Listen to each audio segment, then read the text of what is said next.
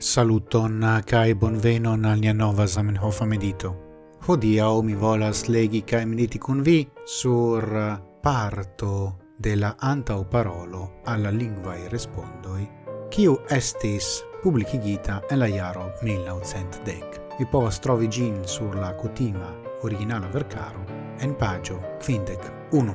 Fari officialan decidon pritiu au alia duba lingua demando havas la raiton nur nia academio post vocdona interconsiligio un la tuta lingua comitato.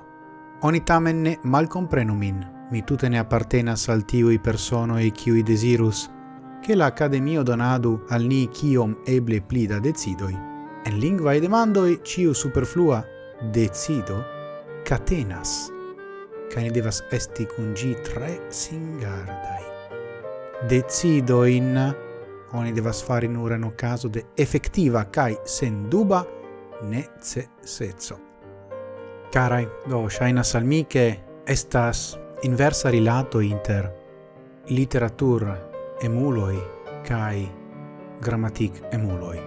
Char kiam oni volas usi creeme kai creive la lingvon, oni ne povas activigi ciam cie la grammatican polizanon, char tio estas quasau catenigo de la cremo.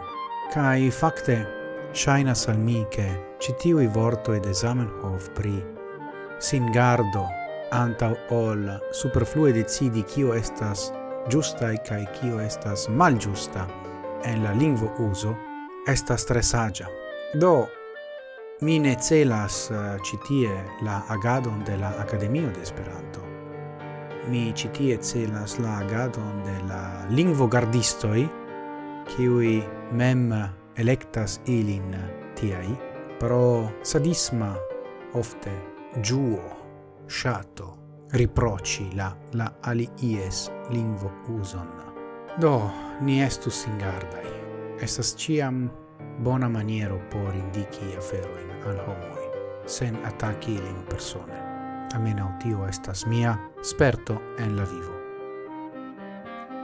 Dankon pro via attento, gis morgau cae ciel ciam, antauen sen fine.